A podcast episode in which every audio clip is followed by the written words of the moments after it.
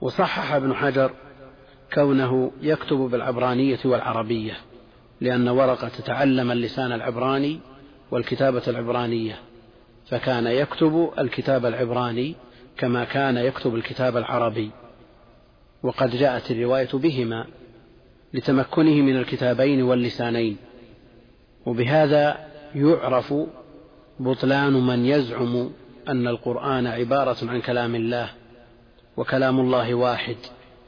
إن كان بالعربية كان قرآنا وإن كان بالعبرانية كان إنجيلا وإن كان بالسريانية كان توراة نعم. إن كان بالعربية كان قرآنا وإن كان بالعبرية أو بالعبرانية كان توراة وبالسريانية كان إنجيلا. لأنه لو قلنا بهذا لقلنا أن ورقة ما استفاد. ما استفاد شيئا من الدين الجديد. نعم لأنه مجرد ما يترجمه من لغة إلى لغة يصير على ما أراد. إن ترجمه بالعربية صار هو القرآن نفسه مع العلم بأنه قرأ التوراة والإنجيل وترجمهما إلى العربية وإلى لغة أخرى نعم إما السريانية أو إما العبرانية قبل نزول القرآن. حقيقة مثل هذا الكلام لا يدعمه لا عقل ولا نقل ولا يؤيده رأي ولا دليل. وإنما وصف بكتابة الإنجيل دون حفظه لأن حفظ التوراة والإنجيل لم يكن متيسرا كتيسر حفظ القرآن الذي خصت به هذه الأمة. فلذا جاء في صفتها أناجيلها في صدورها. وكان ورقة شيخا كبيرا قد عمي. فقالت خديجة رضي الله عنها يا ابن عم هذا النداء على حقيقته لأنه بمنزلتها وفي مرتبتها في النسب ووقع في مسلم يا عم وهو وهم لأنه وإن كان صحيحا لجواز إرادة التوقير لكن القصة واحدة لم يتعدد مخرجها بل مخرجها متحد فلا يحمل على أنها قالت ذلك مرتين فيتعين الحمل على الحقيقة وإنما صحح وجوز ذلك في العربي والعبراني. نعم. قد يقول قائل لماذا منعنا يا عم؟ وقلنا أن مخرج القصة واحد. وقلنا يكتب الكتاب العبراني وفي رواية العربي وصححنا اللفظين. وإنما صحح وجوز ذلك في العربي والعبراني لأنه من كلام الراوي. الراوي هو الذي تحدث عن ورقة بأنه يكتب الكتاب العربي والعبراني. لأنه من كلام الراوي في وصف ورقة واختلفت المخارج فأمكن التعداد. وهذا الحكم يضطرد في جميع ما أشبهه. في جميع ما أشبهه. اللفظ المنسوب إلى مصدره إذا لم يتعدد مخرجه فإنه يرجح بين ألفاظه ولا يجوز الاحتمال ولا يسوغ تجويز أكثر من احتمال بينما إذا تعددت المخارج نعم. جاز وصححت جميع الألفاظ. أمكن تصحيح جميع الألفاظ وصححت الاحتمالات. اسمع من ابن أخيك تعني النبي صلى الله عليه وسلم لأن والده عبد الله بن عبد المطلب وورقة في عدد النسب إلى قصي بن كلاب الذي يجتمعان فيه سواء. فكان من هذه الحيثية في درجة إخوته أو قالته على سبيل التوقير لسنه. فقال له ورقة يا ابن أخي ماذا ترى؟ فأخبره رسول الله صلى الله عليه وسلم خبر ما رأى فقال له ورقة هذا الناموس بالنون والسين المهملة وهو صاحب السر وقال ابن دريد هو صاحب سر الوحي والمراد به جبريل عليه السلام وأهل الكتاب يسمونه الناموس الأكبر. وزعم بعضهم أن الناموس صاحب سر الخير والجاسوس صاحب سر الشر الذي نزل الله على موسى وفي رواية أنزل الله وفي رواية أنزل. فإن قيل لما قال ورقة موسى ولم يقل عيسى مع كونه نصرانيا أجيب بأن كتاب موسى مشتمل على أكثر الأحكام وكذلك كتاب نبينا عليه الصلاة والسلام بخلاف عيسى فإنه كتاب أمثال ومواعظ. وفي رواية الزبير بن مكار بلفظ عيسى بلفظ عيسى يا ليتني فيها جذعا يا نداء والتقدير يا محمد ليتني فيها أي في مدة النبوة أو الدعوة جذعا بفتح الجيم المعجمة وبالنصب خبر كان مقدرة عند الكوفيين يعني يا ليتني أكون فيها جذعا أو على الحال من قال إن قول ورقة هذا لأن عيسى شريعته ليست مستقلة وإنما تابعة لموسى هذا القول صحيح؟ نعم هي مكملة لشريعة موسى، الأحكام تؤخذ من التوراة والمواعظ والأمثال من الإنجيل كما هو معروف. نقول يا ليتني فيها جذعا يا نداء والتقدير يا محمد ليتني فيها أي في مدة النبوة أو الدعوة جذعا بفتح الجيم المعجمة وبالنصب خبر كان مقدر عند الكوفيين أو على الحال من الضمير المستكن في خبر ليت. وخبر ليت متعلق الجار والمجرور كائن فيها. حال الشبيبة والقدرة والقوة لأنصرك. ليتني أكون حيا إذ يخرجك قومك من مكة. واستعمل إذ في المستقبل كإذا على حد قوله تعالى وأنذرهم يوم الحسرة إذ قضي الأمر لتحقق الوقوع فنزل منزلته. فإن قيل كيف تمنى ورقة مستحيلا وهو عود الشباب؟ كيف تمنى ورقة مستحيلا وهو عود الشباب؟ أجيب بأنه يجوز تمني المستحيل إذا كان في فعل خير كما تمنى النبي صلى الله عليه وسلم الشهادة مرارا. الشهادة مرارا. فقال رسول الله صلى الله عليه وسلم أوى فتح الواو؟ مخرجيهم بتشديد الياء مفتوحة لأن أصله مخرجوني جمع مخرج من الإخراج فحذفت نون الجمع للإضافة إلى ياء المتكلم وهم مبتدأ خبره مخرجية مقدما ولا يجوز عكسه لأنه يلزم منه الإخبار بالمعرفة عن النكرة لأن إضافة مخرجي لفظية والهمزة للاستفهام الإنكاري لأنه استبعد إخراجه عن الوطن من غير سبب يقتضي ذلك. قال ورقة نعم لم يأتي رجل قط بمثل ما جئت به من الوحي إلا عودي لأن الإخراج عن المألوف موجب لذلك. قال ورقة نعم لم يأت رجل قط بمثل ما جئت به من الوحي إلا عودي لأن الإخراج عن المألوف موجب لذلك لأن الناس أعداء لما يجهلون. فإذا أخرجتهم من المألوف من عوائدهم من طبائعهم عادوك. وإن يدركني بالجزم بإن الشرطية يومك بالرفع فاعل أي يوم انتشار نبوتك أنصرك بالجزم جواب الشرط نصرا مصدر مؤزرا أي قويا بالغا. وظاهر هذا أنه أقر بنبوة محمد صلى الله عليه وسلم ولكنه مات قبل الدعوة إلى الإسلام. فيكون مثل بحيرة الراهب وفي إثبات الصحبة له نظر وقد ذكره بعضهم في الصحابة كابن منده. ثم لم ينشب أن يلبث ورقة فاعل أن توفي أي لم تتأخر وفاته عن هذه القصة. واختلف في وقت وفاته فالحديث دليل على أنه مات بمكة بعد المبعث بقليل.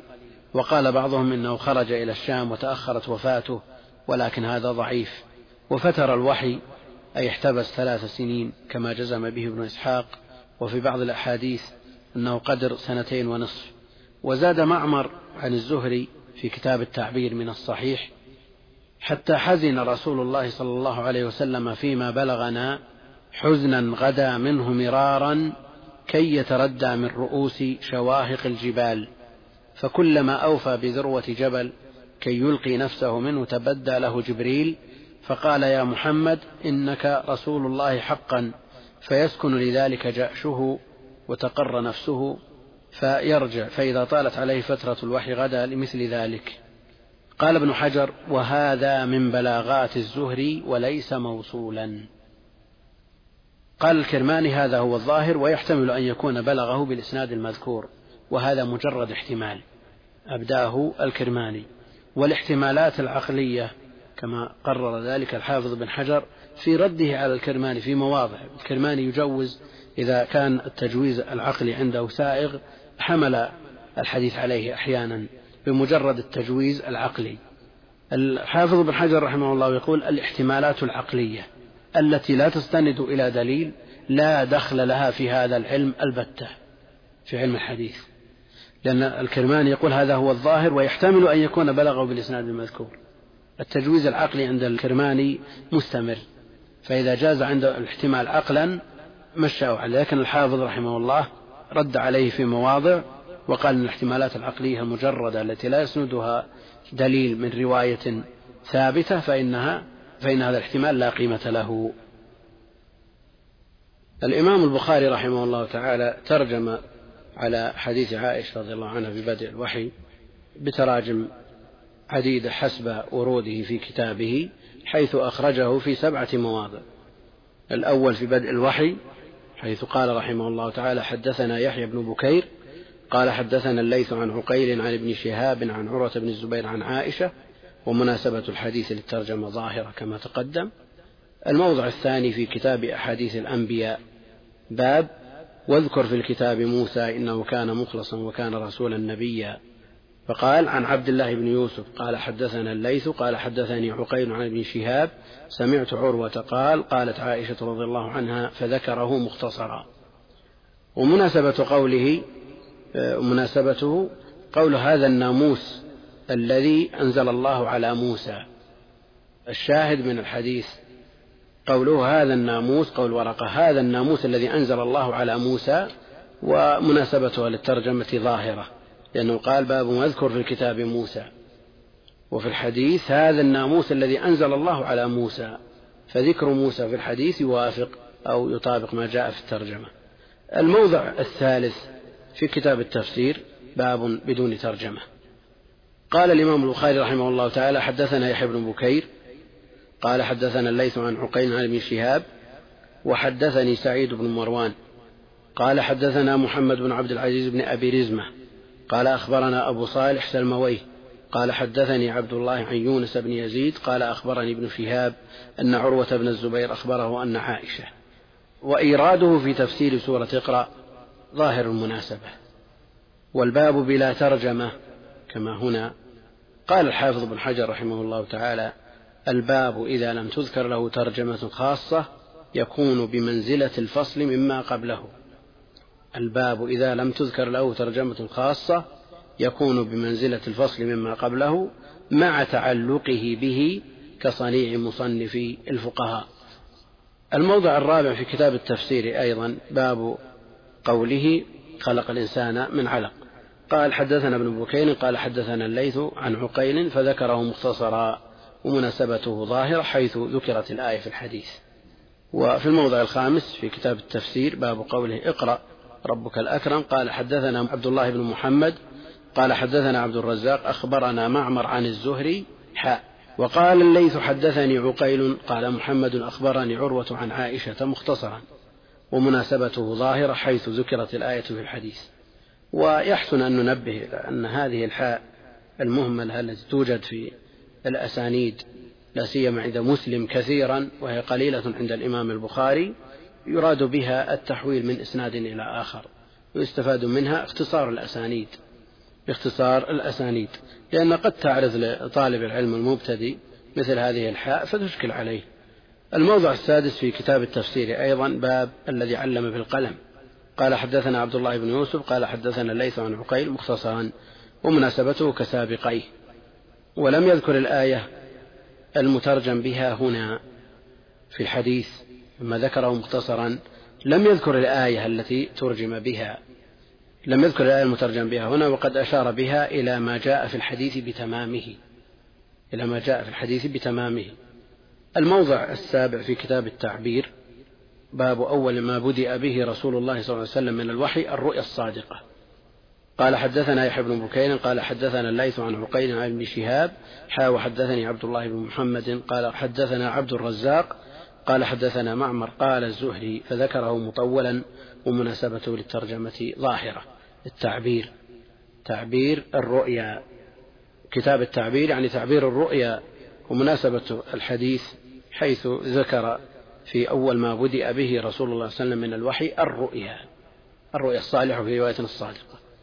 هذا ما يتعلق بتراجم الحديث ويبين لنا ويتضح لنا أن الإمام البخاري رحمه الله تعالى يخرج الحديث في مواضع متعددة تبعا لما؟ لدلالاته المتعددة وأجزائه. عفوا دكتور نحن أشرنا في حلقات ماضية إلى أن المصنف لهذا الكتاب أو حتى الذي قام بخدمته علي حسن وضع الأطراف هنا الأحاديث وفقا للترقيم الموجود في الأصل. لأن لما يرجع المستمع مثلا والمتابع مع فضيلتكم الآن يجد في آخر الحديث أطرافه 3392 4953 وهكذا. هذه الأطراف غير موجودة في هذا الكتاب لأن الحديث مر وقد أشرتم أنه إذا مر لا يكرره مرة أخرى. فبالتالي هذه الأطراف يرجع بها إلى الأصل. أصل الصحيح. ترقيم محمد فؤاد عبد الباقي. ترقيم محمد فؤاد عبد الباقي. أحسن الله عليكم. نستمر في الحديث الذي يليه. قال رحمه الله عن جابر بن عبد الله الأنصاري رضي الله عنهما وهو يحدث عن فترة الوحي. فقال في حديثه بين أنا أمشي إذ سمعت صوتا من السماء فرفعت رأسي فإذا الملك الذي جاءني بحراء جالس على كرسي بين السماء والأرض فرعبت منه فرجعت فقلت زملوني. فأنزل الله تعالى يا أيها المدثر قم فأنذر وربك فكبر وثيابك فطهر والرجز فاهجر. فحمي الوحي وتتابع. الإمام البخاري رحمه الله تعالى قال في صحيحه قال ابن شهاب وأخبرني أبو سلمة بن عبد الرحمن أن جابر بن عبد الله الأنصاري قال وهو يحدث عن فترة الوحي فذكر الحديث. قال ابن شهاب الإمام البخاري رحمه الله تعالى لم يدرك ابن شهاب فهل هذا من المعلقات؟ ولماذا جاء بالواو؟ قال ابن شهاب وأخبرني أبو سلمة. يقول ابن حجر إنما أتى بحرف العطف ليعلم أنه معطوف على ما سبق كأنه قال أخبرني عروة بكذا وأخبرني أبو سلمة بكذا. يعني قال ابن شهاب أخبرني عروة بكذا وأخبرني أبو سلمة بكذا. فعلى هذا يكون هذا الحديث بالإسناد السابق فلا يعد من المعلقات. يقول القسطلاني رحمه الله مقول القول لا يكون بالواو. وحينئذ فليس هذا من التعاليق ولو كانت صورته صورته صورة المعلق. خلافا للكرماني حيث أثبته منها وقد خطأه ابن حجر في الفتح. مناسبة الحديث بدء الوحي ظاهرة لظهور علاقته بالحديث الذي قبله وهو يحدث عن فترة الوحي. يقول وهو يحدث عن فترة الوحي فقال في حديث بينما أنا أمشي إلى آخره. فعلاقته ببدء الوحي ظاهرة جدا. وجابر بن عبد الله راوي الحديث جابر بن عبد الله بن عمرو الأنصاري الخزرجي المتوفى سنة ثمان وسبعين وهو آخر الصحابة موتا بالمدينة وله في الصحيح تسعون حديثا. يقول وهو يحدث عن فترة الوحي أي احتباسه والجملة حالية.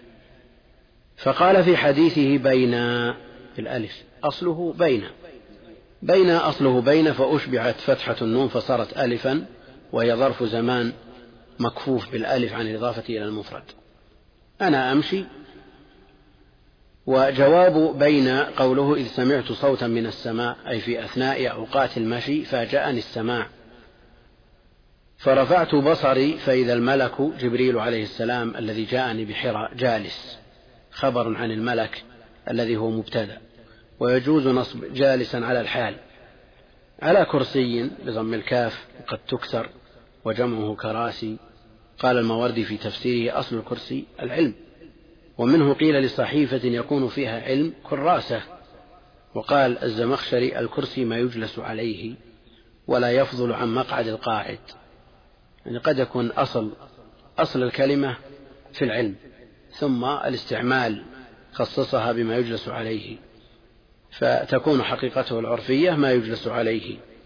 بين السماء والأرض ظرف في محل جر صفة لكرسي فرعبت منه بضم الراء وكسر العين المهملة مبني لما لمسمى فاعله أي فزعت فرجعت أي إلى أهلي بسبب الرعب فقلت لهم زملوني زملوني بالتكرار وفي رواية كريمة مرة واحدة.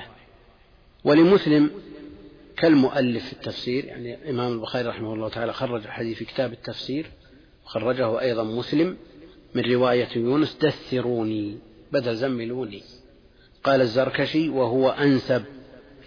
لماذا؟ لقوله فأنزل الله تعالى يا أيها المدثر. لأن المناسب لقوله زملوني زملوني. يا أيها المزمل. أما دثروني دثروني المناسب له يا أيها المدثر. إيناسا له وتلطفا. والتدثير والتزميل بمعنى واحد. والمعنى يا أيها المدثر بثيابه.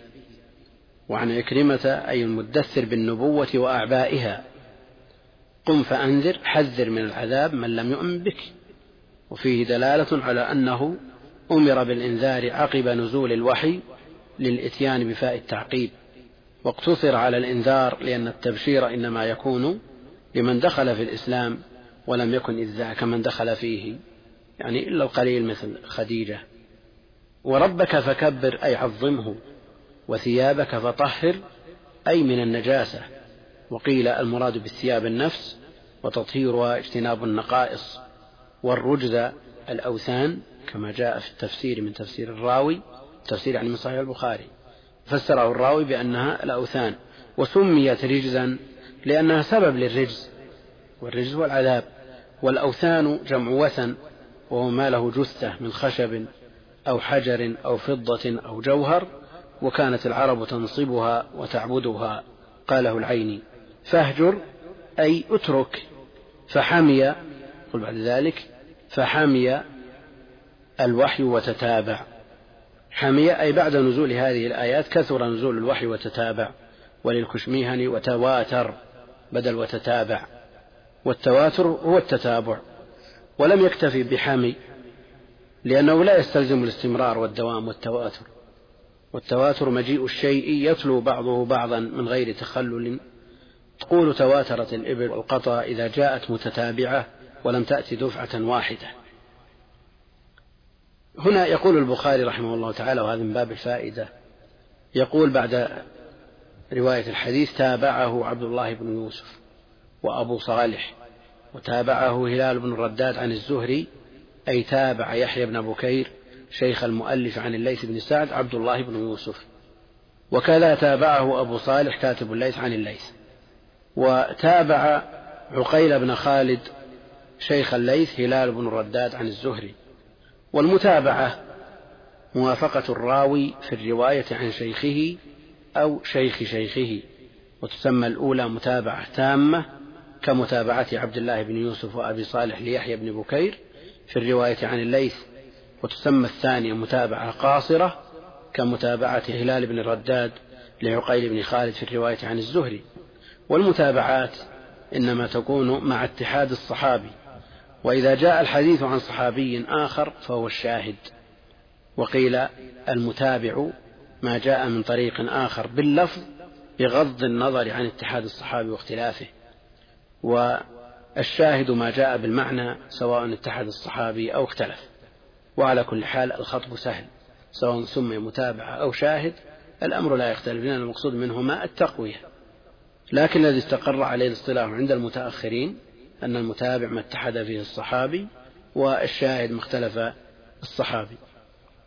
والاعتبار طريقة التوصل والبحث عن وجود المتابعات والشواهد لأنه يذكر العنوان في كتب علوم الحديث الاعتبار والمتابعات والشواهد. فيظن القارئ أنه قسيم للمتابعات والشواهد وهو في الحقيقة ليس بقسيم وإنما هو هيئة التوصل إلى المتابعات والشواهد. يقول النووي في شرحه على البخاري النووي رحمه الله تعالى شرح قطعة من أوائل الصحيح بدء الوحي والإيمان فقط. آه، يقول طريقك في معرفة مثل هذا أي معرفة المتابعات أن تنظر طبقة المتابع بكسر الباء فتجعله متابعا لمن هو في طبقته بحيث يكون صالحا لذلك بحيث يكون صالحا لذلك. كما تلاحظون في الكتاب أحسن الله عليكم وضع علامة ثم في أسفل الهامش وضع حرف الزاي ثم واحد ثم خمسة ثم ساق الحديث باختلاف بسيط جدا مثل رفعت بصري بدل رفعت رأسي وزيادة زملوني زملوني مرتين وإلى قوله والرجز فاهجر. ثم قال له روايات أخرى في تفسير سورة المدثر آه، مسندة ومتصلة فترك الزبيدي كلها. ثم ذكر الأطراف مرة أخرى. ما سبب الإعراس هذا الوضع؟ هذا اعتبره صاحب الزوائد وعمر ضياء الدين الدغستاني من الزوائد وهو في الحقيقة ليس من الزوائد. هذا ليس لا يرد على الزبيدي لأن الحديث يكاد أن يكون بحروفه. أما الزيادات اليسيرة التي لا يترتب عليها تأثير في حكم ولا تخل بمعنى فإنه لا يلتفت إليها. وإلا لو أراد أن يأتي بجميع الألفاظ التي في صحيح البخاري ما صار مختصرا بالمعنى الذي يرمي إليه المؤلف من أجل أن يحفظ من أجل أن يحفظه طلاب العلم. فالاهتمام بمثل هذه الزوائد اليسيرة جدا لا تعني المختصر ولذا لم يرده. وحقيقة أنا عندي المذكور هذا عمر ضياء الدين الداغستاني معي الآن كتابان متعلقان بصحيح البخاري. أولهما كتاب أسماه كتاب سنن الأقوال النبوي من الأحاديث البخارية. هذا مطبوع في إسطنبول سنة 1308 والكتاب مختصر للصحيح جرده من الأسانيد. لكن فيه من الأحاديث ضعف ما في مختصر الزبيدي. فيه من الأحاديث أربعة آلاف وخمسمائة واحد وأربعين. نعم؟ على صغر حجمه فيه هذا العدد من الأحاديث وهو مقتصر على الأحاديث القولية. والكتاب الثاني لعمر ضياء الدين المذكور كتاب اسمه آه، زبدة البخاري. وهذا كتاب مختصر جدا فيه من الأحاديث 1524 هو مختصر بالنسبة لسابقه فهذا زبدة سماه زبدة البخاري. وأما الزوائد التي يشار إليها في الحاشية فلم أقف عليه لكن من خلال تأمل هذه الزوائد نجد أنها لا ترد على الزبيدي لأن الزبيدي لا يهتم بمثل هذه الفروق اليسيرة التي لا تؤثر لا في حكم ولا تخل بمعنى. هذه الكتب التي أشرتم إليها مطبوعة الآن يا شيخ طباعة جديدة ولا لا زالت؟ لا ما طبعت غير الطبعات نعم. الأول عرفنا أنه مطبوع بإسطنبول سنة 1308 والثاني بمطبعة دار الكتب العربية بمصر سنة 1330 يعني من أكثر من 90 سنة ولم يعد طبعها إذا إذا إذا أشار هنا إلى حرف الزاي فهو يقصد زوائد. نعم الزاي. يليه رقم الحديث الذي يزيد الزاي واحد يعني الزيادة الأولى. الزيادة الأولى نعم. وخمسة يريده بعد رقم أربعة في المختصر. نعم. بعد هذا تراجم الإمام البخاري رحمه الله تعالى على الحديث. الحديث ذكره الإمام في تسعة مواضع. الأول في بدء الوحي سبق ذكر إسناده ومناسبته. الثاني في كتاب بدء الخلق. باب إذا قال أحدكم آمين والملائكة في السماء فوافقت إحداهما الأخرى غفر له ما تقدم من ذنبه قال حدثنا عبد الله بن يوسف قال أخبرنا الليث قال حدثني عقيل عن ابن شهاب قال سمعت أبا سلمة قال أخبرني جابر بن عبد الله فذكره. ومناسبته لبدء الخلق وذكر الملائكة حيث ذكر فيه جبريل عليه السلام على الكرسي بين السماء والأرض. في الموضع الثالث في كتاب التفسير باب بدون ترجمة. وأشرنا إلى مراد البخاري من الباب الذي يذكره دون ترجمة. قال حدثنا يحيى قال حدثنا وكيع عن علي بن المبارك عن يحيى بن أبي كثير قال سألت أبا سلمة بن عبد الرحمن عن أول ما نزل من القرآن فذكره ومناسبته لتفسير سورة المدثر ظاهرة لأن هذا الباب يلي تفسير سورة المدثر فهو فرع منها. الموضع الرابع في كتاب التفسير أيضا باب قم فأنذر قال حدثني محمد بن بشار قال حدثنا عبد الرحمن بن مهدي وغيره. قال حدثنا حرب بن شداد عن يحيى بن أبي كثير عن أبي سلمة عن جابر بن عبد الله فذكره مختصرا ومناسبته ظاهرة حيث ذكرت الآية في الحديث. وأحيانا يقول الإمام البخاري رحمه الله تعالى حدثنا فلان وغيره ومسلم أيضا يقولها. فيكنون بذلك عن الراوي الذي لا يحتاجون إلى ذكره إما اكتفاء بمن ذكر لأنه إمام كبير فيحتاج إلى من يدعمه ولو كان المحذوف ثقة. ولو كان المحذوف ثقة وأحيانا يكنى عنه لأنه ضعيف.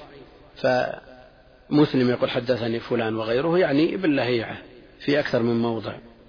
ولا يخل بالإسناد لأنه يقتصر في ذلك على الثقة ولا يحتاج إلى ذكر الضعيف.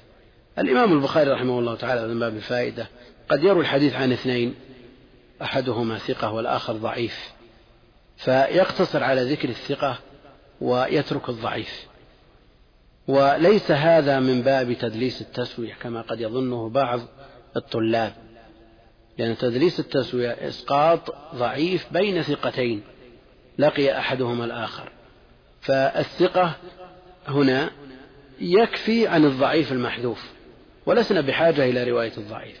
وأما في تدليس التسوية الضعيف لا بد من وجوده لأنه واسطة بين الثقتين لا بد من وجوده وإسقاطه مخل بالإسناد. أما إسقاط الضعيف الذي لا يحتاج إليه في مثل هذا لأن هذا الثقة روى عن الثقة الآخر مباشرة وكونه شاركه في الرواية عن ذلك الثقة راو ضعيف آخر لا يخل بالإسناد ولا داعي لذكره. الموضع الخامس كتاب التفسير باب وربك فكبر. قال حدثنا إسحاق بن منصور قال حدثنا عبد الصمد قال حدثنا حرب قال حدثنا يحيى قال سألت أبا سلمة أي القرآن أنزل أول؟ فقال الحديث مطولا ومناسبته ظاهرة حيث ذكرت الآية في الحديث. السادس كتاب التفسير باب وثيابك فطهر. قال حدثنا يحيى بن بكير قال حدثنا الليث عن عقيل عن ابن شهاب حاء وحدثني عبد الله بن محمد.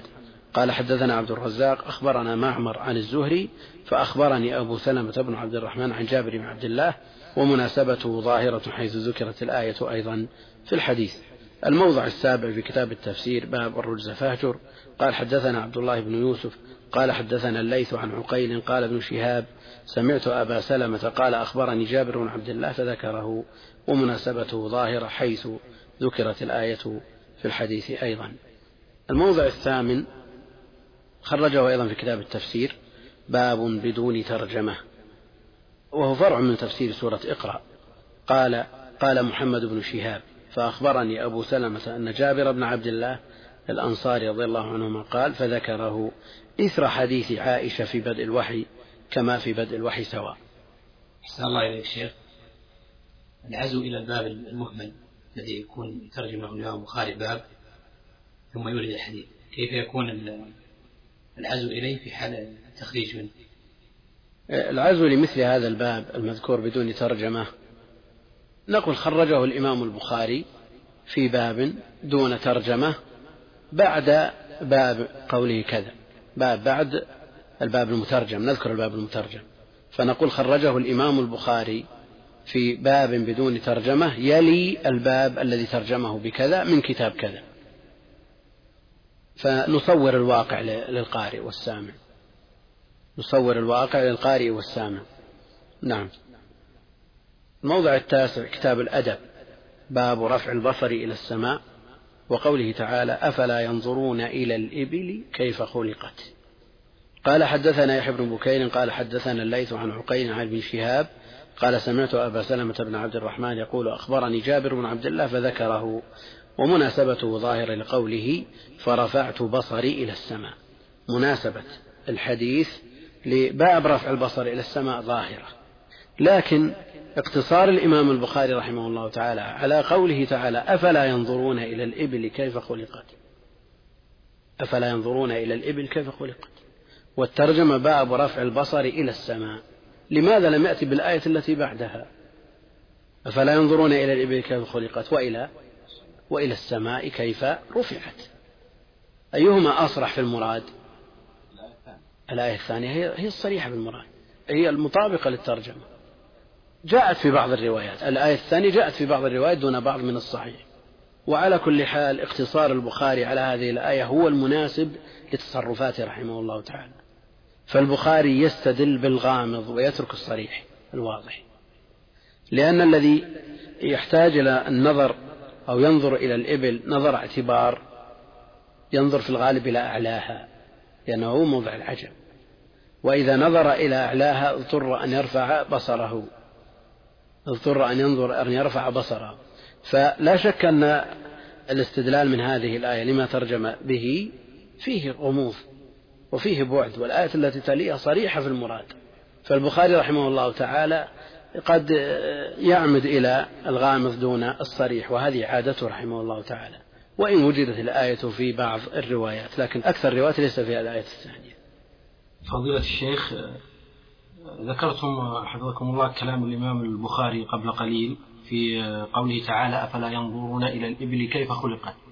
ثم ذكرتم التوجيه لاستدلاله بالآية. ولكن أليس من المناسب أن يقال في توجيه كلامه رحمه الله تعالى أنه قد ورد أن من معاني قوله تعالى الإبل أنها هي السحاب والسحاب موجود في السماء.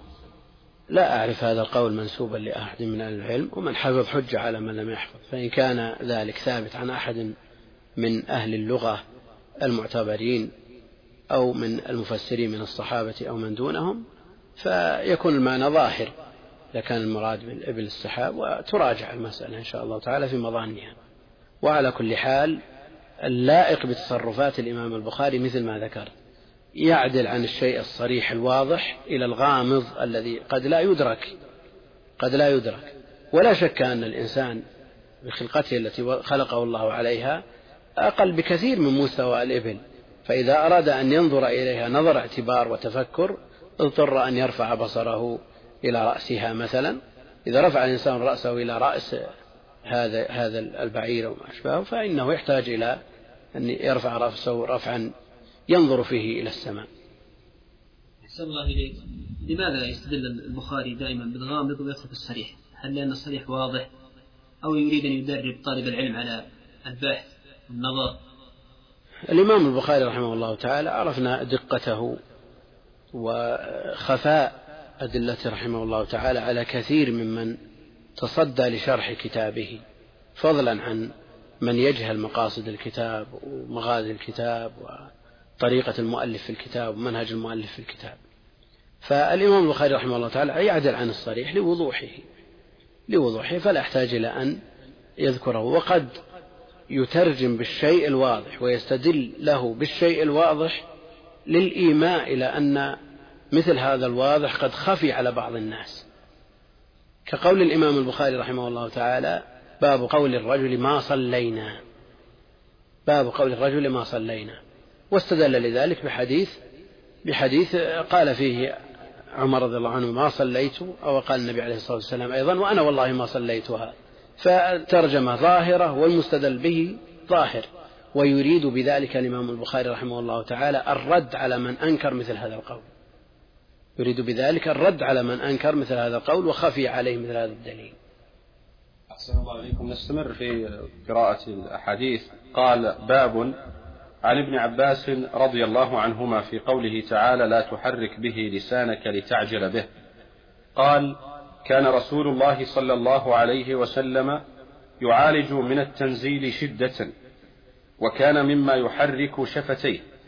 فقال ابن عباس فأنا أحركهما كما كان رسول الله صلى الله عليه وسلم يحركهما. فأنزل الله عز وجل لا تحرك به لسانك لتعجل به. إن علينا جمعه وقرآنه. قال جمعه لك في صدرك وتقرأه. فإذا قرأناه فاتبع قرآنه. قال فاستمع له وأنصت. ثم إن علينا بيانه. ثم إن علينا أن تقرأه. فكان رسول الله صلى الله عليه وسلم بعد ذلك.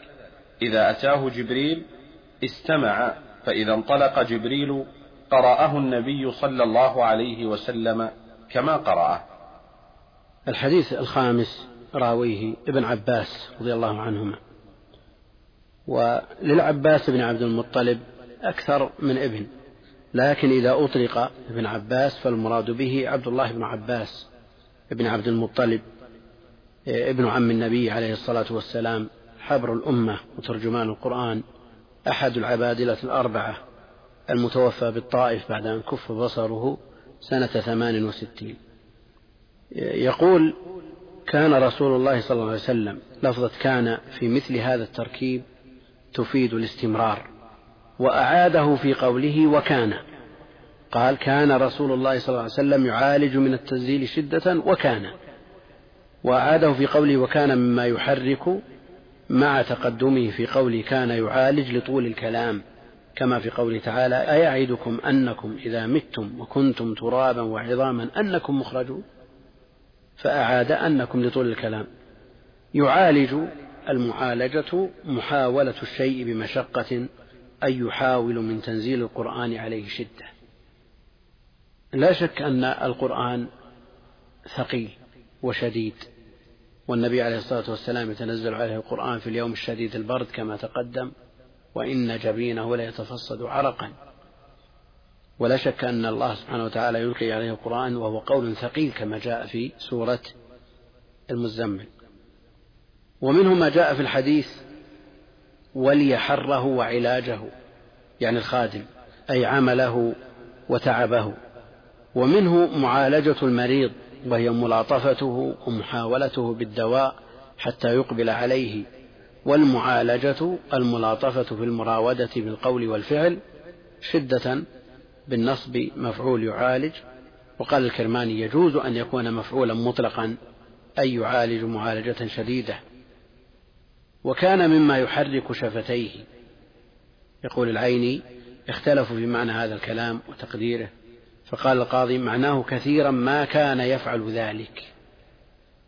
قال القاضي معناه كثيرا ما كان يفعل ذلك وبهذا قال ثابت السرقسطي وثابت له كتاب الدلائل له ولأبيه قاسم وهو من أنفس كتب غريب الحديث. وقال الكرماني أي كان العلاج ناشئا من تحريك الشفتين أي مبدأ العلاج منه. فعلى هذا تكون ما مصدرية ويجوز أن تكون موصولة وقد تجيء لمن يعقل. وصوب ابن حجر الأول. وقال في الثاني فيه نظر لأن الشدة حاصلة قبل التحريك وتعقب بأن الشدة وإن كانت حاصلة قبل التحريك إلا أنها لم تظهر إلا بتحريك الشفتين إذ هي أمر باطني لا يدركه الرائي إلا به. فقال ابن عباس فأنا أحركهما أي شفتي لك وفي بعض النسخ لكم كما كان رسول الله صلى الله عليه وسلم يحركهما. لم يقل ابن عباس كما رأيت كما رأيت رسول الله صلى الله عليه وسلم يحركهما لم يقل كما رأيت لأن ابن عباس لم يدرك ذلك.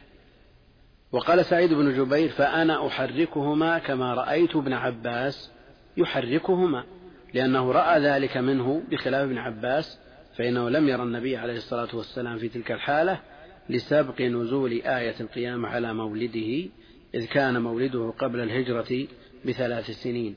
ونزول الآية في بدء الوحي كما هو ظاهر صنيع المؤلف حيث أورده هنا.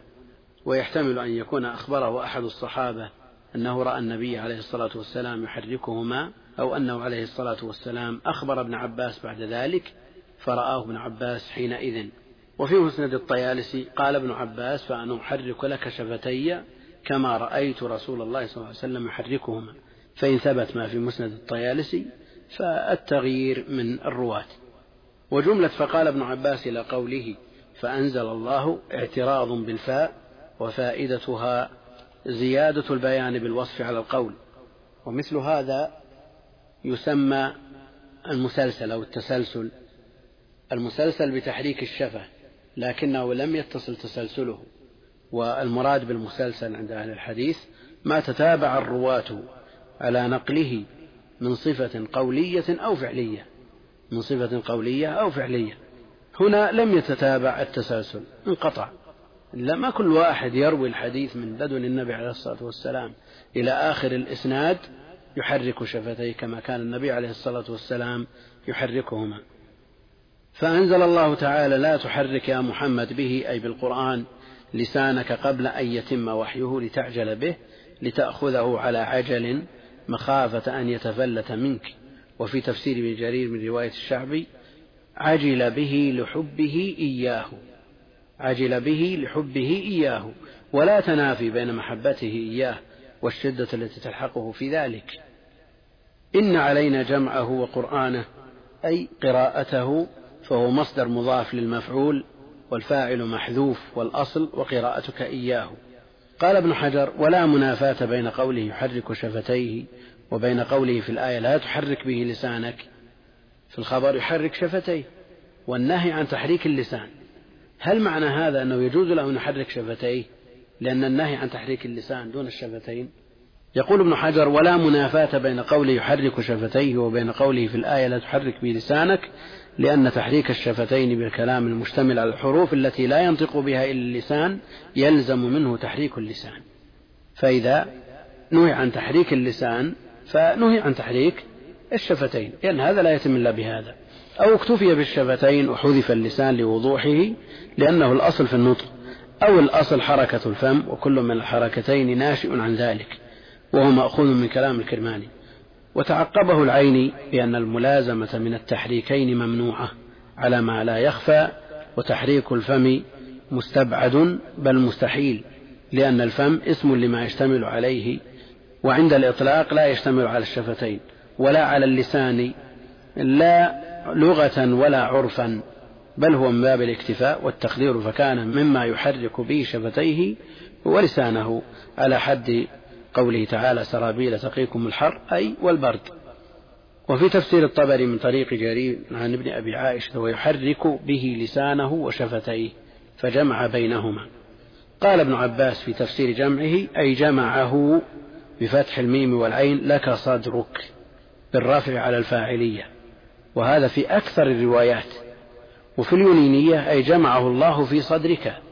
وإسناد الجمع إلى الصدر على حد أنبت الربيع أنبت الربيع البقلة أي أنبت الله في الربيع البقلة. وفي رواية أبي ذر جمعه لك صدرك بسكون الميم وضم العين مصدر ورفع راء صدرك فاعل. ولكريمة جمعه لك في صدرك بفتح الجيم وإسكان الميم وزيادة في وهو يوضح الأول. وفي رواية جمعه له بإسكان الميم أي جمعه تعالى للقرآن صدرك. وفي رواية الأصيل وحده جمعه له في صدرك بزيادة في. على كل حال المعنى ظاهر وكله متقارب وهي ألفاظ متقاربة. والمثبت عندنا جمعه لك في صدرك. جمعه لك في صدرك نعم. إن علينا جمعه وقرآنه أي قراءته فهو مصدر مضاف للمفعول والفاعل محذوف والأصل وقراءتك إياه. يطلق القرآن ويراد به القراءة.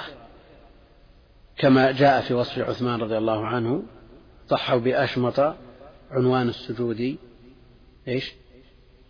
به يقطع الليل تسبيحا وقرآنا أي قراءة.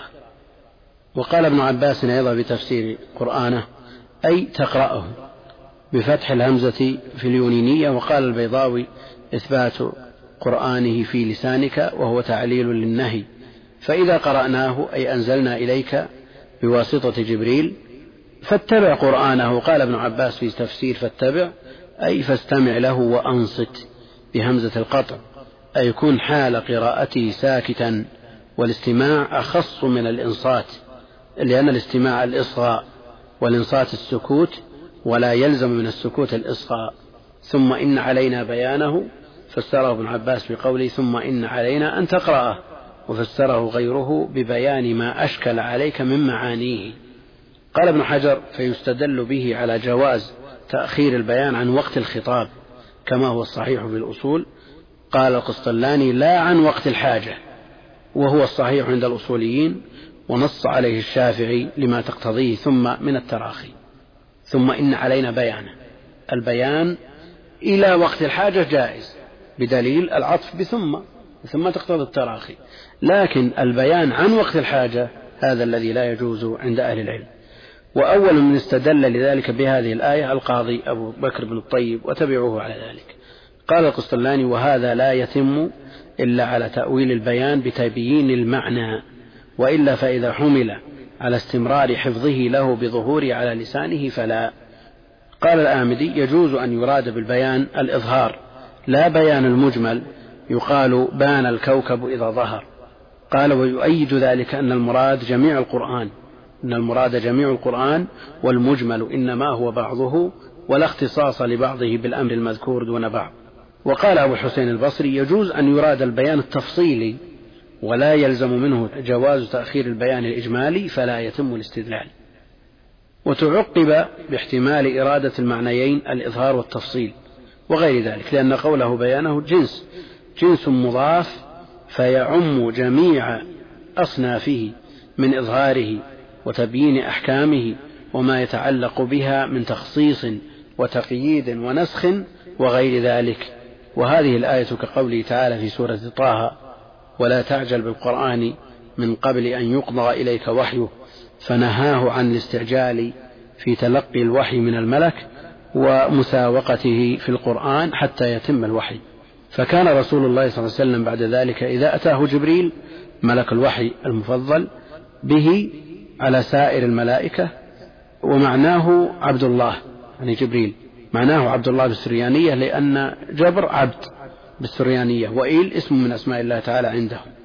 وروى عبد بن حميد في تفسيره عن عكرمة أن اسم جبريل عبد الله واسم ميكائيل عبيد الله وقال السهيلي جبريل سرياني ومعناه عبد الرحمن كما جاء عن ابن عباس مرفوعا وموقوفا لكن الموقوف أصح. وذهبت طائفة إلى أن الإضافة في هذه الأسماء مقلوبة. فإيل هو العبد وأوله اسم من أسماء الله تعالى. والجبر عند العجم هو إصلاح ما فسد وهي توافق معناه من جهة العربية. وقال العيني ورأيت في أثناء مطالعتي في الكتب أن اسم جبريل عليه الصلاة والسلام عبد الجليل وكنيته أبو الفتوح. واسم ميكائيل عبد الرزاق وكنيته أبو الغنائم. على كل حال هذا مما طالعه العيني في بعض الكتب التي لا تعتني بذكر الأخبار بأسانيدها ولا تحقق الصحيح من غيره. ومثل هذا لا فائدة من العناية به وتحقيقه وتمحيصه وإثبات الثابت منه إنما يمر كما جاء. وفي جبريل تسع لغات نقلها العيني عن الزمخشري وابن الأنباري بعد هذا يقول فكان رسول الله صلى الله عليه وسلم بعد ذلك إذا أتاه جبريل استمع. فإذا انطلق جبريل قرأه النبي عليه الصلاة والسلام كما قرأ وفي رواية كما قرأه بضمير المفعول أي القرآن ولأبي ذر عن الكشميهني كما كان قرأ. والحاصل أن الحالة الأولى جمعه في صدره والثانية تلاوته والثالثة تفسيره وإيضاحه والحديث كما هو مخرج في صحيح البخاري مخرج أيضا في صحيح مسلم وجامع الترمذي وغيرهما. أحسن الله إليك. يلاحظ في شرح ابن حجر رحمه الله في فتح الباري أنه يذكر حينما يذكر قطعة من الحديث يذكر دائما يذكر خلاف الموجود في نص الحديث. كقوله هنا في الحديث قال لا تحرك به لسانك لتعجل به إن علينا جمعه وقرآنه. قال جمعه لك في صدرك وتقرأه. وهنا قال قوله جمعه لك صدرك. فهذه تكرر دائما. نعم. في اختلاف بين الشرح وبين المتن المطبوع مع الشرح. الأصل أن الفتح مجرد عن المتن لكن الطابع تصرف. وأدخل في الشرح متنا يختلف في كثير من الأحيان عن الرواية التي اعتمدها الحافظ في شرحه. لأن الحافظ بن حجر اعتمد على رواية أبي ذر كما نص على ذلك. وأشار إلى ما عداها عند الحاجة. والحافظ بن حجر رحمه الله تعالى قصد تجريد الشرح من المتن لئلا يطول الكتاب. فتصرف الطابع وأدخل متنا لا يوافق الرواية التي اعتمد عليها الحافظ في شرحه وليته إذ تصرف في كتاب غيره أدخل رواية تناسب الشرح.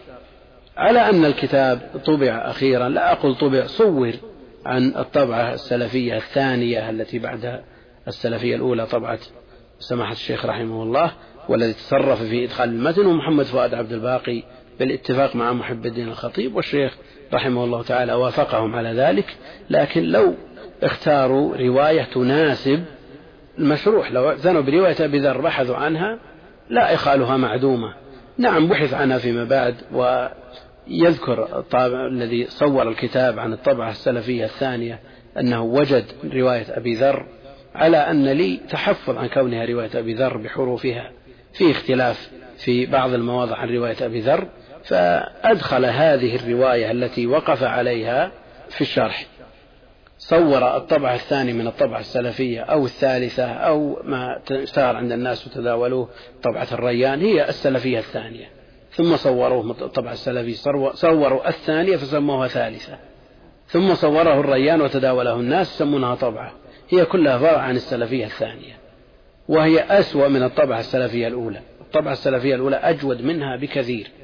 فينبغي لطالب العلم الذي لا يستطيع الحصول على طبعة بولاق أو صورتها التي طبع عنها الكتاب أن يعتني بالسلفية الأولى التي أشرف على أوائلها سماحة الشيخ عبد العزيز رحمه الله تعالى. مباشرة. أما هذه الطبعات الأخيرة نقلت تعاليق الشيخ عليها لا بأس وهذا شيء نافع. وإن كانت الطبعة التي نشرت أخيرا مع رواية أبي ذر وإن كنت متحفظا عن إطلاق رواية أبي ذر على هذه الطبعة لأنها توافقها في كثير من الأحيان وفيها بعض الاختلاف. حذفت تعاليق الشيخ رحمه الله تعالى لا أدري ما السبب لكن مع ذلك ينبغي العناية بالصحيح. وأن يعتني الإنسان بنسخة متقنة محررة مضبوطة وتكون على رواية واحدة إن أمكن مع العناية بالروايات الأخرى. لئلا يتشوش القارئ وإذا أراد أن يقرأ شرح ينظر الرواية المعتمدة في الشرح. ينظر ما الرواية المعتمدة في الشرح. وكل واحد من الشراح ذكر سنده إلى الإمام البخاري فنعرف من خلال إسناده الرواية التي اعتمد عليها واعتنى بها. وحينئذ لا يحصل مثل هذا التفاوت بين الشرح والمشروح. حديث بن عباس خرجه الإمام البخاري رحمه الله تعالى في ستة مواضع. الموضع الأول هنا في بدء الوحي.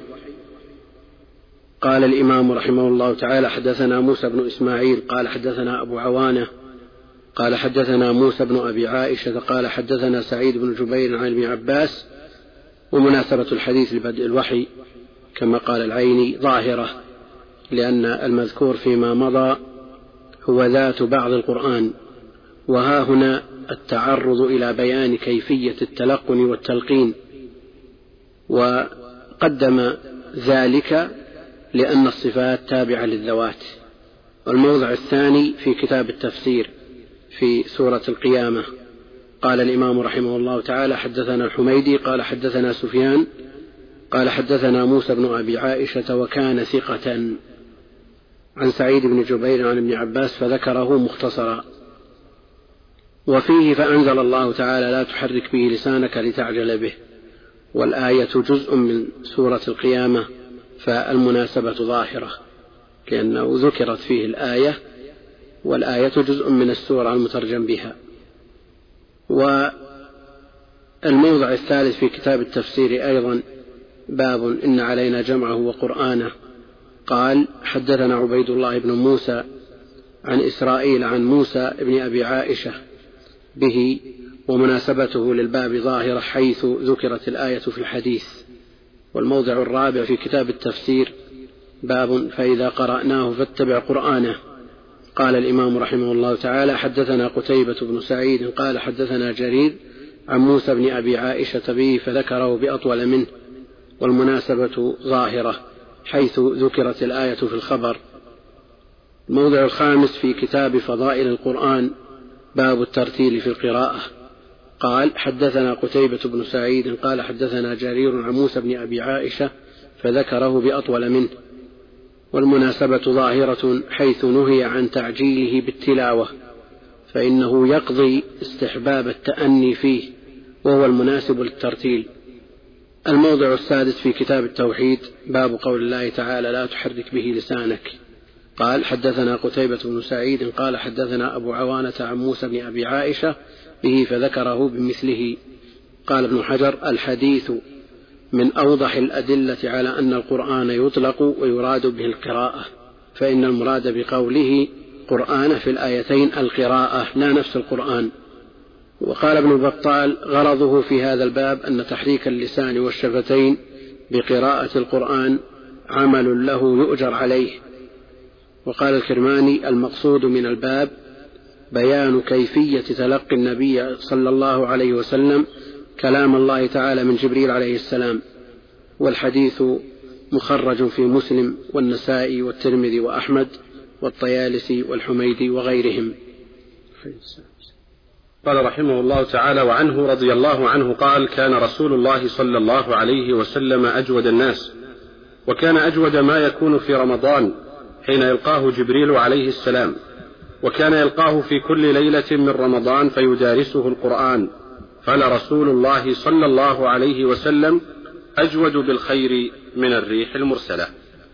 يقول المؤلف رحمه الله تعالى المختصر وعنه جرت عادة المتأخرين من المصنفين بالحديث الذين يصنفون المختصرات في الحديث للحفظ أن يقتصروا على القدر المحتاج إليه فتجدهم يحذفون الأسانيد ويقتصرون على الصحابي فقط. أو على التابع معه إن دعت الحاجة إلى ذكره. كما جرت عادتهم التكنية عن الراوي بالضمير إذا كان هو راوي الحديث السابق فيصرحون بذكره في الموضع الأول ثم يعطفون الثاني عليه بالضمير فيقولون وعنه. وإن كان هذا يرد على ما التزمه المؤلف في خطبة الكتاب من أنه يلتزم كثيرا ألفاظه في الغالب يعني ألفاظ البخاري رحمه الله تعالى.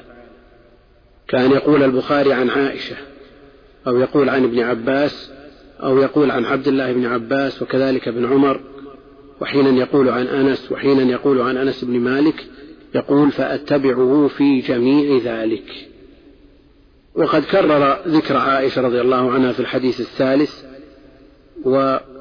وكناها بأم المؤمنين رغم أنها تقدمت في الحديث الثاني أيضا. ولعل ما هنا من غير الغالب الذي أشار إليه بقوله في الغالب أنه يتبع لفظ البخاري رحمه الله تعالى في الغالب. فلعل ما هنا جريا على العادة ومشيا على الجادة في المختصرات. وهذا هو غير الغالب وأما الغالب أنه يتبع لفظ البخاري بالحرف. والضمير المجرور يعود إلى ابن عباس راوي الحديث السابق والواو في قوله وعنه عاطفة تعطف مقدر أي وأروي أيضا عنه أي عن ابن عباس. قال كان رسول الله صلى الله عليه وسلم أجود الناس بنصب أجود خبر كان أي أجودهم على الإطلاق. وكان أجود ما يكون حال كونه في رمضان برفع أجود اسم كان خبرها محذوف وجوبا على حد قولك أخطب ما يكون الأمير قائما. وما مصدرية أي أجود أكوان الرسول صلى الله عليه وسلم وفي رمضان سد مسد الخبر أي حاصلا فيه. وفي رواية الأصيل أجود بالنصب خبر كان وعورض بأنه يلزم منه أن يكون اسمها خبرها. وأجيب بجعل اسم كان ضمير النبي عليه الصلاة والسلام. وما حينئذ مصدرية ظرفية والتقدير كان رسول الله صلى الله عليه وسلم متصفا بالأجودية مدة كونه في رمضان مع أنه أجود الناس مطلقا عليه الصلاة والسلام. يقول النووي يجوز في أجود الرفع والنصب والرفع أصح وأشهر. وقال ابن حجر يرجح الرفع وروده بدون كان. عند المؤلف في الصوم وفائدة الجملة الأولى وإن كانت لا تتعلق بالقرآن الاحتراس من مفهوم ما بعدها. الاحتراس من مفهوم ما بعدها وكان أجود ما يكون في رمضان. نعم. جاء أولا بقوله كان رسول الله صلى الله عليه وسلم أجود الناس. يعني مطلقا في رمضان وفي غير رمضان. هو أجود الناس على الإطلاق في كل زمان وفي كل مكان عليه الصلاة والسلام. وجاء في الحديث الصحيح أنه أجود الناس وأشجع الناس عليه الصلاة والسلام. مفهوم الجملة الثانية أنه أجود ما يكون في رمضان. مفهومها أنه في غير رمضان أنه ليس بأجود. مفهومها. فاحترس من مفهوم الجملة الثانية بالجملة الأولى. ومعنى أجود الناس أكثر الناس جودا والجود الكرم وهو من الصفات المحمودة. وفي الصحيحين وغيرهما نعم. دكتور قبل الحديث عن أشكال بسيط قد يرد على الإخوة المسلمين. أيضا في تحديد الراجع في كون أجود بالنصب أو الرفع ولعلكم تتفقون باختصارها وتوضيحها أكثر. بالنسبة للموضوع الثاني وكان أجود هذه هي المثبتة عندنا في الكتاب بالنصب. ورجح النووي أنها بالرافع وكان أجود. بالنسبة للموضع الأول ما فيه إشكال. كان رسول الله صلى الله عليه وسلم أجود الناس. خبر كان. الموضع الثاني وكان أجود ما يكون في رمضان. أجود اسم كان وخبرها محذوف وجوبا. على حد قولهم أخطب ما يكون الأمير قائما يعني إذا كان قائما. النووي يقول يجوز في أجود الرفع والنصب والرفع أصح وأشهر. وابن حجر يرجح الرفع بوروده بدون كان. عند المؤلف في الصوم.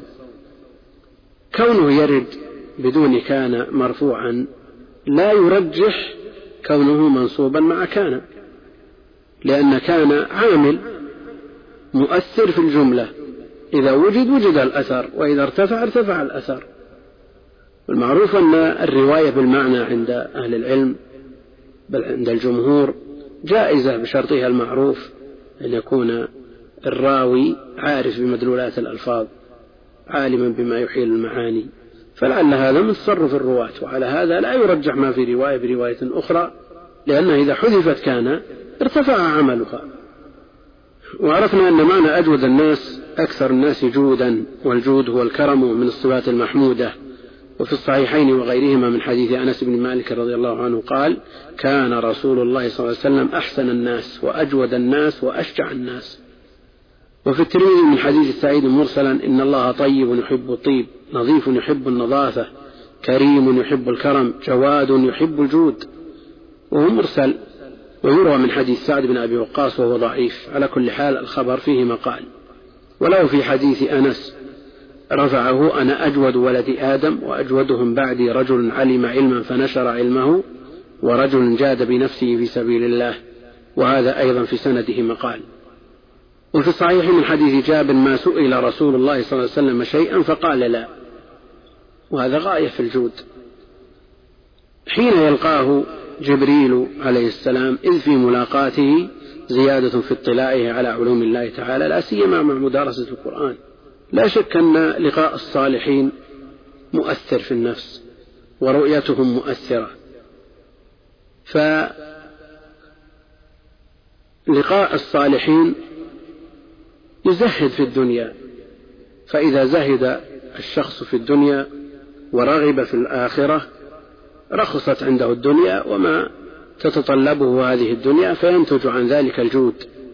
والرسول عليه الصلاة والسلام يتضاعف جوده في رمضان حين يلقاه جبريل وكان جبريل عليه السلام يلقاه أي النبي عليه الصلاة والسلام.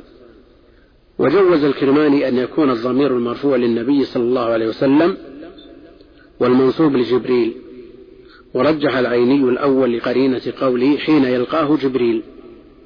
في كل ليلة من رمضان فيدارسه القرآن بالنصب مفعول ثاني ليدارسه على حد جاذبته الثوب والفاء في فيدارسه عاطفة على يلقاه. فبمجموع ما ذكر من رمضان ومدارسة القرآن وملاقاة جبريل يتضاعف وجوده عليه الصلاة والسلام. لأن الوقت موسم الخيرات لأن نعم الله تربو فيه على عباده. والمدارسة مفاعلة من الدرس وهو القراءة على سرعة. يقول تعالى بما كنتم تدرسون وقال ودرسوا ما فيه ليقولوا درست أي قرأت فالمدارسة هي القراءة. وها هنا لما كان النبي عليه الصلاة والسلام وجبريل عليه السلام يتناوبان في قراءة القرآن كما هو عادة القراء. بأن يقرأ هذا عشرا والآخر عشرا أتى بلفظ المدارسة يعني المفاعلة أو أنهما كانا يتشاركان في القراءة أي يقرآن معا. وقد علم أن باب المفاعلة لمشاركة اثنين نحو ضاربت زيدا وخاصمت عمرا. يقول القسطلاني وإنما دارسه بالقرآن لكي يتقرر عنده ويرسخ أتم رسوخ فلا ينساه. وكان هذا إنجاز وعده تعالى لرسوله عليه الصلاة والسلام حيث قال له سنقرئك فلا تنسى. وقال الطيبي فيه تخصيص بعد تخصيص على سبيل الترقي.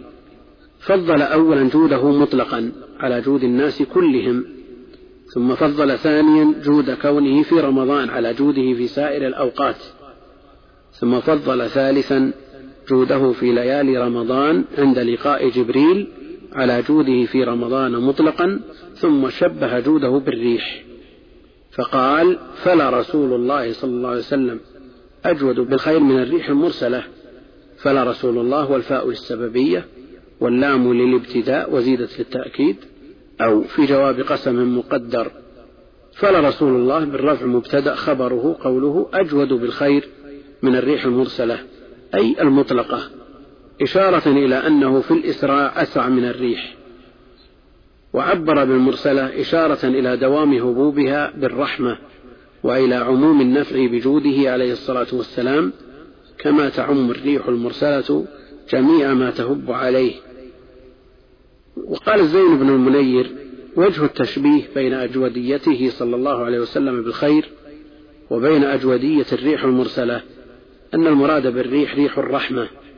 التي يرسلها الله تعالى لإنزال الغيث العام الذي يكون سببا لإصابة الأرض الميتة وغير الميتة. أي فيعم خيره وبره من هو بصفة الفقر والحاجة ومن هو بصفة الغنى والكفاية. أكثر مما يعم الغيث الناشئ عن الريح المرسلة.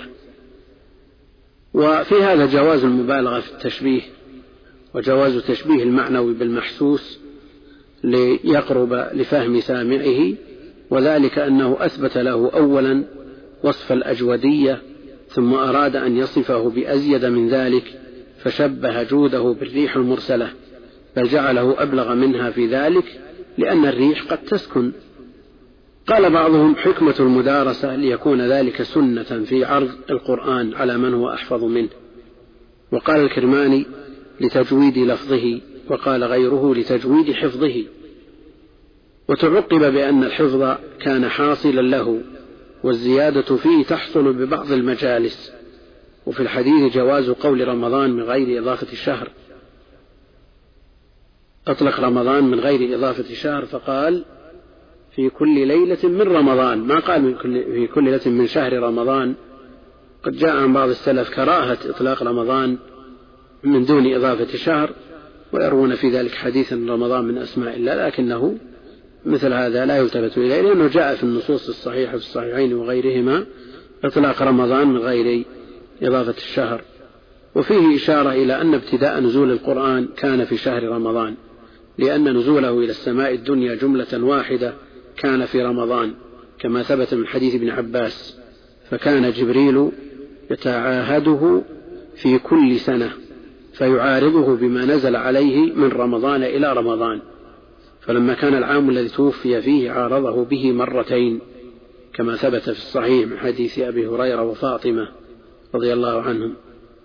قال ابن حجر وبهذا يجاب من سأل عن مناسبة إيراد هذا الحديث في هذا الباب والله أعلم بالصواب. قد يقول قائل ما المناسبة بين بدء هذا الحديث وبدء الوحي؟ الإشارة إلى أن ابتداء نزول القرآن كان في شهر رمضان. الإشارة إلى أن ابتداء نزول القرآن كان في شهر رمضان ابتداء النزول وهو ابتداء الوحي. يقول النووي في الحديث فوائد منها الحث على الجود في كل وقت ومنها الزيادة في الجود في رمضان وعند الاجتماع بأهل الصلاح. الحث على الجود في كل وقت الجود صفة من الصفات المحمودة الذي هو الكرم. الكرم من الصفات المحمودة في الشرع وفي العقل وفي العرف وكان العرب يتمدحون بالجود والكرم لكن شريطة ألا يخرج عن حده إلى حد الإسراف والتبذير. يقول منها الزيادة في الجود في رمضان لأنه شهر تضاعف فيه الحسنات والأعمال فينبغي أن يكون هذا الخلق الحسن مضاعفا ليضاعف ثوابه وعند الاجتماع بأهل الصلاح. يقول فيه زيارة الصلحاء وأهل الخير وتكرار ذلك إذا كان المزور لا يكرهه. لا شك أن المجالسة لها أثر أثر على النفس. وكم من شخص أثر في الناس بمرآة فقط قبل أن يتكلم. وكثير من أهل العلم إذا ترجموا لشيوخهم يذكرون شيئا من ذلك. وأنهم يستفيدون من رؤية الشيخ أكثر من علمه. وذكر ابن الجوزي في ترجمة شيخه أحد شيوخه في فهرسته أنه استفاد من بكائه أكثر من فائدته من علمه. ولا شك أن مثل هذا مؤثر مؤثر جدا. رؤية الشيخ العامل بعلمه الداعي إلى علمه المعلم معلم الناس الخير لا شك أنه مؤثر. قد لا يتيسر لكثير من الناس زيارة مثل هؤلاء. بأن تيسر فليحرص على ذلك إن لم يتيسر فليقرأ في أخبارهم. أخبار هؤلاء الأخيار وهؤلاء الصلحاء وعلى رأسهم مقدمهم عليه الصلاة والسلام. فليدم من نظر طالب العلم في سيرته عليه الصلاة والسلام ويسمعها غيره من عامة الناس لكي يقتدوا به ويأتسوا به. من ذلكم سير الصالحين من الصحابة والتابعين. لا شك أن لها أن لها أثرا كبيرا في نفوس الناس. وفيها أيضا شحذ الهمم من حيث الاقتداء والالتساء بهم وما يستفاد من الحديث استحباب الإكثار من القراءة في رمضان. وكونها أفضل من سائر الأذكار. لا شك أن القراءة قراءة القرآن في رمضان لا شك أنها من أفضل الأعمال. وإذا كان الحرف بعشر حسنات في سائر الأوقات فما بالك في رمضان فعلى المسلم أن يغتنم عمره وأنفاسه في مدارسة كتاب ربه وتلاوته وقراءته على الوجه المأمور به بالترتيل والتدبر والتفهم والعمل والتطبيق هل هل يفهم من هذا الحديث أن قراءة القرآن في رمضان ليلا أفضل منه نهارا؟ نعم بعضهم على ما سيأتي تأتي الإشارة لذلك في التراجم. بعضهم آه، ذكر أن المدارسة في الليل أفضل من النهار. تفضل المدارسة على مجرد القراءة لأن هذا خاص به عليه الصلاة والسلام من أجل والله لا شك أن من دارس القرآن مع غيره من هو أحفظ منه وأتقن يحصل له أجر الاقتداء والائتساء إضافة إلى أجر التلاوة والتدبر. يقول استحباب الإكثار من القراءة في رمضان وكونها أفضل من سائر الأذكار إذ لو كان الذكر أفضل أو مساويا لفعلاه. وعلى كل حال الذكر أمر مطلوب أمر مطلوب الذاكرين الله كثيرا والذاكرات سبق المفردون وجاء في الذكر وفضل الذكر نصوص كثيرة. عن النبي عليه الصلاة والسلام في فضله والإشادة به وفضل أهله. من الأذكار التي لا تكلف الإنسان شيئا. من قال سبحان الله وبحمده في يوم مئة مرة سبحان الله وبحمده يمكن أن تقال في دقيقة ونصف. حطت عنه خطاياه وإن كانت مثل زبد البحر. ولا يقول قائل هذا هذه مبالغة في الثواب هذا حديث الصحيحين. يعني هذا في دقيقة ونصف يمكن أن يقال أو دقيقتين. حطت عنه خطاياه وإن كانت مثل زبد البحر. وهذا في الأذكار فما بالك في القرآن؟ الذي هو كلام الله هو الكتاب الذي من قام يقرأه كأنما خاطب الرحمن بالكلم. وشيخ الإسلام رحمه الله تعالى يقول من قرأ القرآن على الوجه المأمور به أورثه من الإيمان واليقين والطمأنينة راحة القلب ما لا يدركه إلا من صنع ومن فعل مثل هذا الفعل.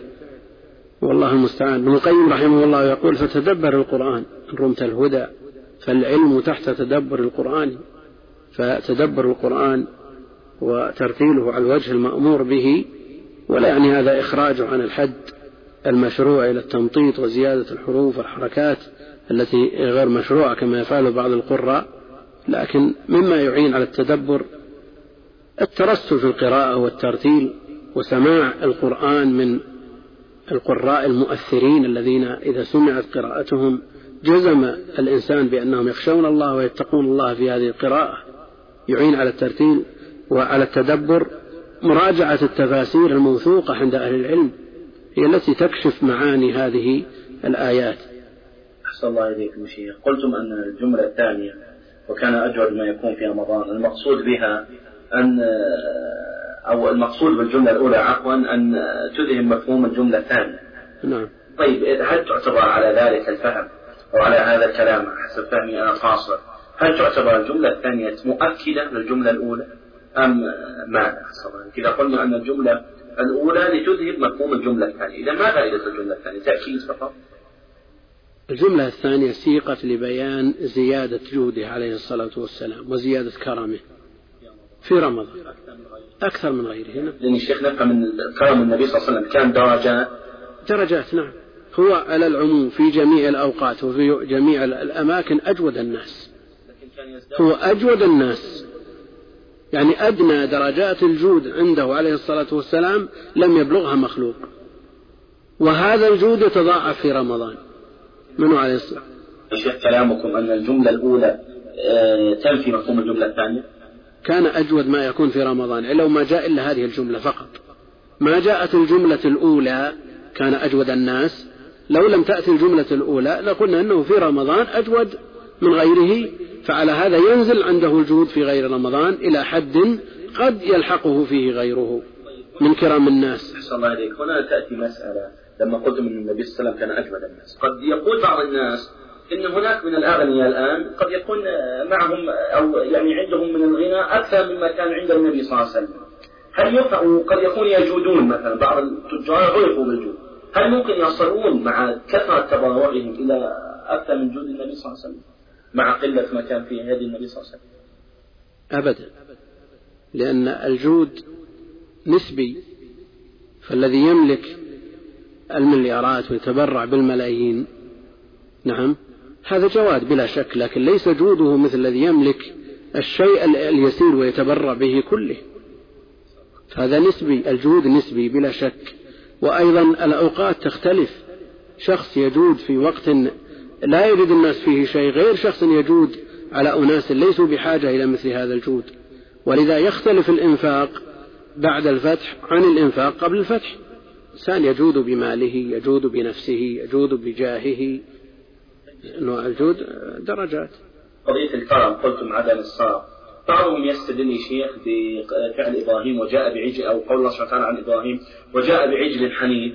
فيجي مثلا ضيف كذا ويضع له ذبيحة أو أكثر أو قال يقول لك ما دامت ما تظلمة أنا عندي دليل من القرآن وجاء بعجل حنيف. ما الضابط أحسن الله كون إبراهيم عليه السلام يأتي بالعجل لا يوجد غيره. فماذا يقدم لضيوفه؟ هل تتصور أن إبراهيم بيذهب إلى الثلاجة ويأتي بكيلو أو كيلوين مقدار ما يحتاجه الضيوف عليه السلام؟ لا ما عندهم لها العجل وهذه طريقة الناس كلهم قبل وجود هذه الأمور التي تحفظ اللحم من التلف. والله المستعان. الإمام البخاري رحمه الله تعالى خرج الحديث في خمسة مواضع من صحيحه. الأول في بدء الوحي في هذا الموضع. قال الإمام رحمه الله حدثنا عبدان قال أخبرنا عبد الله قال أخبرنا يونس عن الزهري وحدثنا بشر بن محمد قال أخبرنا عبد الله قال أخبرنا يونس ومعمر عن الزهري نحوه قال أخبرني عبيد الله بن عبد الله عن ابن عباس فذكره والمناسبة تقدمت الإشارة إليها. عبدان لقب اسمه عبد الله بن عثمان مروزي وشيخه عبد الله بن المبارك. والإمام البخاري رحمه الله تعالى روى الحديث من طريق يونس ومعمر عن اثنين والإمام البخاري رحمة الله عليه لا يبين صاحب اللفظ بخلاف مسلم فيبين صاحب اللفظ بدقة حدثنا فلان وفلان واللفظ لفلان هذا الإمام مسلم. والإمام البخاري كما هنا روى الحديث من طريق يونس ومعمر ولم يبين صاحب اللفظ فهل اللفظ ليونس أو لمعمر؟ يقول ابن حجر رحمه الله تعالى في أواخر المجلد الأول من الفتح صفحة 436 يقول قد ظهر بالاستقراء من صنيع البخاري أنه إذا أورد الحديث عن غير واحد فإن اللفظ يكون للأخير. على هذا يكون اللفظ لمن؟ لمعمر يونس ومعمر. فهل صاحب اللفظ معمر أو يونس؟ ابن حجر رحمه الله في هذا الموضع يقول أما باللفظ فعن يونس وأما بالمعنى فعن معمر. عكس القاعدة لا شك أن القاعدة أغلبية وليست كلية ولدينا أمثلة مما يخرج عن هذه القاعدة وإن كان الغالب من صنيعه رحمه الله تعالى أن اللفظ للأخير.